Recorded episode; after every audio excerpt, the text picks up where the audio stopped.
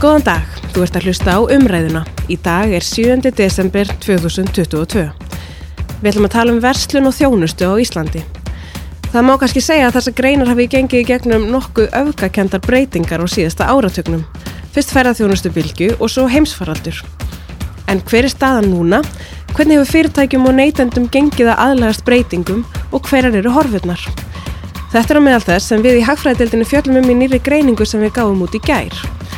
Til að ræða þetta hér sitja með mér Una Jónsdóttir forstuðumadur Hagfræðdeildar og Guðmunda Ósk Kristjánsdóttir viðskiptastjóri á fyrirtækjasviði bankans.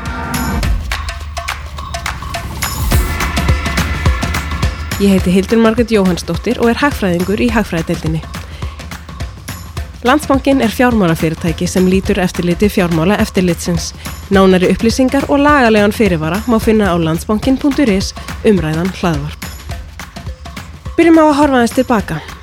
Ferðamenn fara að streyma til landsins af miklum krafti um miðjan síðasta áratug og ferðamanna bylgja nær hámarki árið 2018 þegar 2,3 miljónir ferðamanna heimsóttu landið.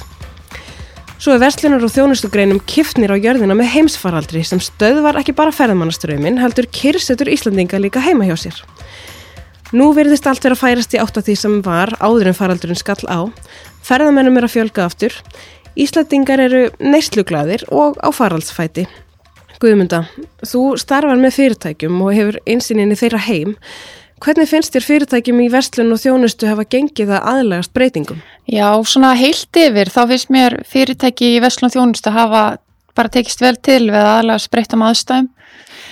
Ég hef svona tilneyingu til þess að skipta uh, verslun og þjónustgerunum í tvent, annars vegar í fyrirtæki sem er stæstum hluta háð innlendri enga þar að segja neyslu frá Íslandingnum og hins vegar fyrirtæki sem eru alfarið að stóru hluta háð sölu og á vörum og þjónust til, til farðamanna. Um, þau fyrirtæki sem er að stærstu hluta háð innlendri neslu komi mjög vel undan faraldrinum og við erum að sjá met afkomi á árinu 2021 til að mynda. Við náttúrulega bara fórum ekki til útlanda þannig að Íslandingarnir fóru bara að taka húsin sín í gegn og byggja pall og eigða í ímislega sem þið voru kannski ekkert Já, kyrsetning Íslandinga var af henni góða hjá þessum fyrirtækjum. Þetta er nefnt fyrirtæki á byggingaverumarkanum, fataveslun, ráftækjaveslun og svo framvegis. En aftur á móti fyrirtæki sem er að stóru hluta á ferðamanninum áttu mjög erfitt uppdráttar. En með klókindum og með aðgjörum stjórnvalda náðu flest þeirra að komast í gegnum þennan faraldur og, og það blasir allt önnur mynd eh, hjá þessum fyrirtækjum í dag og þau er að ná fyrir styrk og, og miða við svona spáaðala bæðið frá hagfræðideildinni og, og í Savja um áallanir uh, komandi missirum ferðamannin að þá má ætla að þess svona árið 2023-2024 verði ár þessara fyrirtækja.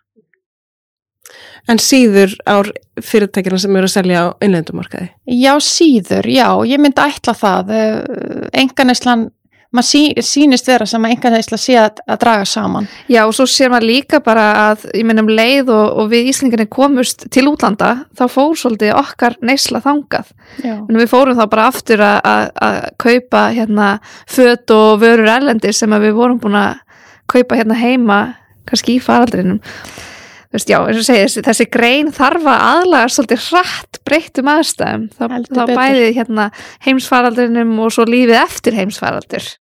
Og það kemur um fram í nýju greiningun okkar hvernig það er kortavelta ferðamanna sem að drýfur áfram alla aukningu í kortaveltu á Íslandi. Já, einmitt en verslun hérna innanlands, hún er að dragast aðeins saman millir ára. Já, hún er að gera það núna. Uh, þá sjáum við það að svona síðasta ár þá hefur kortvaldi Íslandinga í, í verslunum innanlandsdreið saman á sama tíma og þjónustu kaup okkar eru að aukast.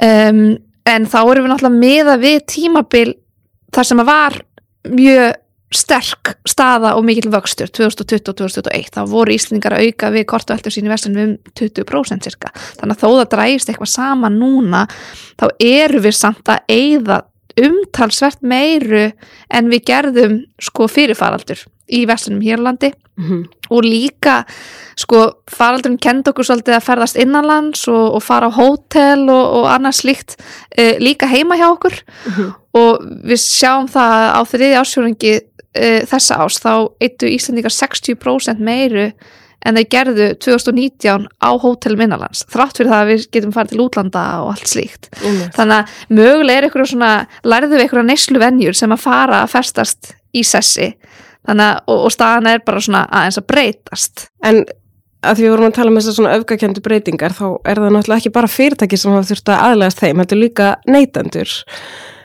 Bæði bara hvort þeir hafa geta farið til útlanda eða hvort þeir kaupi allt frekar heima en við fjöllum um það í greiningun okkar að sko Íslandingar þeir breyttu kaupverði meila mest með því að byrja að kaupa hluti á netinu.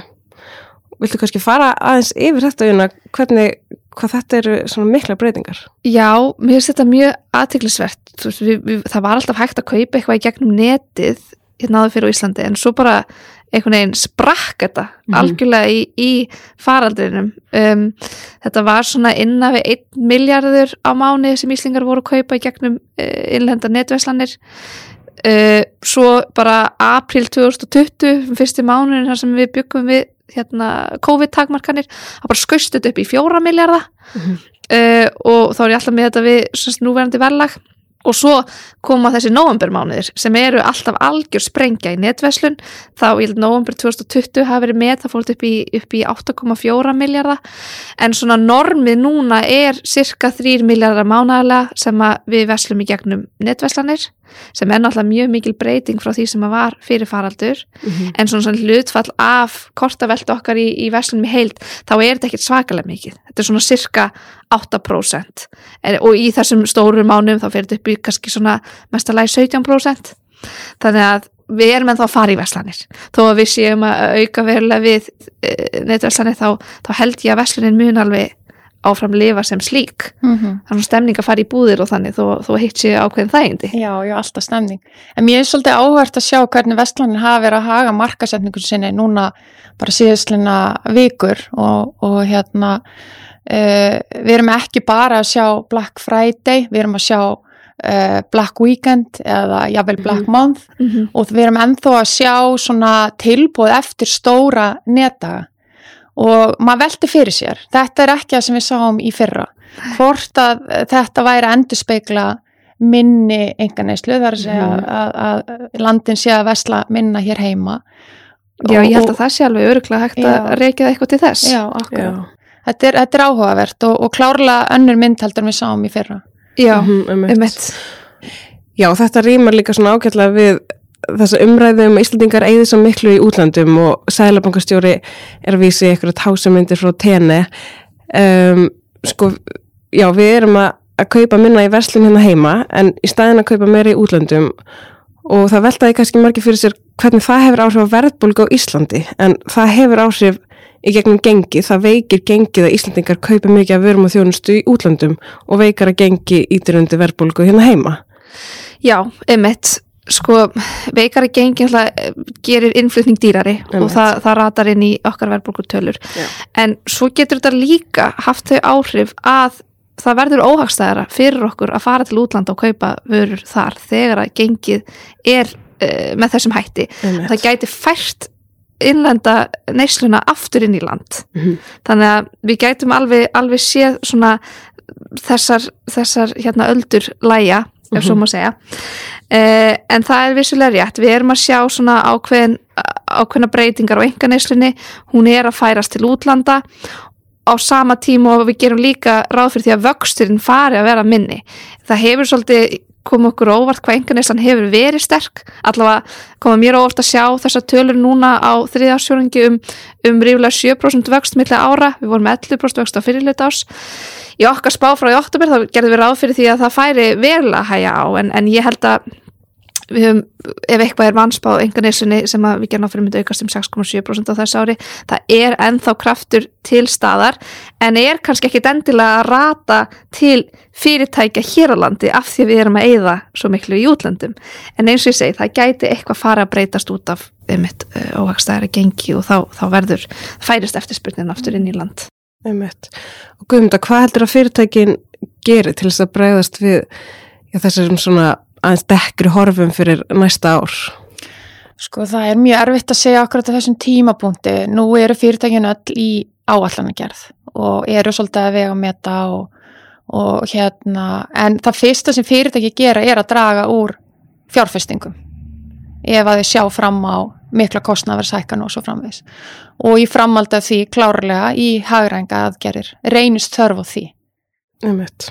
Já, þannig við gætum alveg fara að sjá svona aðeins kannski hægari vöxt í, í atvinnu eða fjárfestingunni ef þetta uh, ef þetta eru staðan. Ég, klárlega, ég myndi reikna með því vextir hafa hækkað umtalsvert í hérna og bara nokkru missurum þannig að það er orðið dýrar að, að, taka lán og, og, og ef að fyrirtæki er að sjá fram á uh, tekju samdrátt eða læri tekjur minni afkomu að uh, þá vilja þau fara að spara safna pening Mm -hmm. og, og þar lendi minni fjárfestingar Já, já, já, algjörlega, það er einmitt, það, þetta er sennilega staðan, við fyrir að sjá svona hægari takt almennt, sama, sama hvert er litið. Já, ég myndi reikna með því En heldur að fyrirtæki fari svona að leita, leiða til að stíla frekar inn á ferðamenn ef, að, ef svona spárum um ferðarþjónustu ganga eftir þá heldur ferðamennum áfram að fjölga. Já, þau fyrirtæki sem geta það, Mhm. en, en það er uh, eins og ferðamæðurinn, hann, hann kaupir ákveðna vöru, jú, hann kaupir matvörur, uh, klárlega ferðatengta þjónustu, Mm -hmm. uh, ákveðna tegund af fatnaði, þá helst uh, íslenskan fatna og svo framvegis. En, en í Veslun og þjónustu er svo dreift mengi fyrirtækja, klárlega veitingageirin sem ég kannski glemdi að koma inn á að, að ferðamæðurinn blessunlega fer inn á íslenska hérna, Og hefur fært okkur fjölbreytni í, í veitingastöðum. heldur betur, þannig að jú, klárlega. Við heimmenn njótum Já. nú góðs að því. Já, en svo fyrir bara svona þessi, hefðbundi íslensku fyrirtæki, það er ekki öll sem geta stíla inn á auðvitað. Þetta eru þetta allt öðruvísi, við sjáum neyslu samsetningin er mjög ólík meðal sko heimamanna og ferðamanna. Ferðamanna eða held ég cirka 17% í verslunum Já. og restin í þjónustu, meðan að hjá okkur er, er meiri hluti í verslun og minna í þjónustu. Já, í ferðarþjónustuðinu er líka er mikil óvisa, það eru blikur á lofti í mörgum okkar helstu viðskiptalanda. Efnaðast þrengingar í Evrópu og ólíukreppa samkvæmt könnunum verist ferða vilja Evrópum að vera frekar lítið en það er bara tvísinn hvort fólk hafi efni á að hita húsin sín. En staðin er betri í bandaríkjunum. Þar er dólarinn sterkur og gengur betur. Sko una heldur að við, spáum því ennþá að ferðamennum fjölgi og það gera aðri greiningar aðeila líka heldur að sko samsetning ferðamanna geti kannski breyst Já, ég held að það gæti alveg gerst. Uh, eins og segir, við spáum alveg að ferðamennum halda áfram að fjölga en þó ekki alveg með sama hrað og við gerðum ráð fyrir til dæmis þegar við gerðum spá í, í mæ. Um, en það er einmitt, það er helst af því að það eru dekkri horfur, í, í Evrópu og við sjáum það mælingar svona á ferðavilja fólks sína að, að, að ferða áformin mælast frekar lág meðal Evrópu svipum stað og var sko þegar faraldurinn stóð sem hæst. Þannig að við missum kannski eitthvað hlutfarslega af, af Evrópu búum. Eh, en í staðin það mælist ferðavilji bandaríkjamanna mjög sterkur og bandaríkjaman hafa verið mjög uh, mikilvægir fyrir okkur við sjáum að þau eigða meira á dag heldur en meðalferðamæðurinn gerir sem að er jákvætt og mögulega gæti þá einmitt samsetning ferðamanna bara eitthvað breyst þannig að fáum hlutfarslega fleiri bandaríkjumenn Það var einmitt ótrúlega áhugavert. Ísafja var með fund, morgunfund um daginn og, hérna, og voru reyndar alltaf með þetta fyrir faraldur COVID. Það sem er byrtu uh, áallanum sætaframbóð og farþegarspá komandi uh, vetur og sömar. Og þeir voru sérst með fund núna í byrjun desember og mér var svolítið áhvert að sjá að Ísafja er að gera á fyrir 11% vexti á sætaframbóð til Íslands á sama tíma og hinn Norðurlöndin er að gera á fyrir samdrætti og kannski ekki skríti Helsingi sé að gera ráð fyrir samdrætti þessum það er nándin við Rúsland og svo framvegs en, en bæði sko, eða Danmörk, Nóru og Svíþjóð eru öll að gera ráð fyrir 9-14% samdrætti Já, og samtími og við erum að gera ráð fyrir 11% hérna aukningu.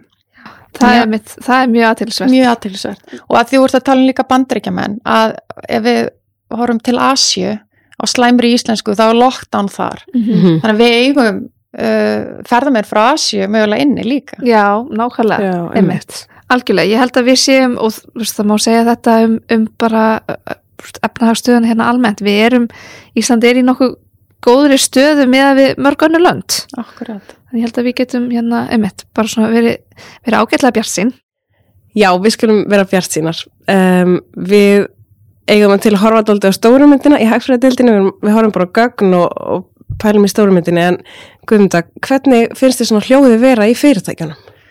Já, svona heilt yfir að þá finnst mér almennt freka þungt hljóði í þeim fyrirtækjum sem við erum í sambandi við. Uh, Þar spilar inn í almennar hækkanir í rekstrarumkörnu og þá erum við að vísa í um, hækkun launa eins og við komum inn á áðan, vextir hafa hækkað umtalsvert uh, síðastlegin misseri uh, verlag hefur farið hækkandi sem smittar þú út í húsalegin og svo framvegist. Þannig að fósvarsmenn fyrirtæki eru almennt að rekna með kostnavershækkunum.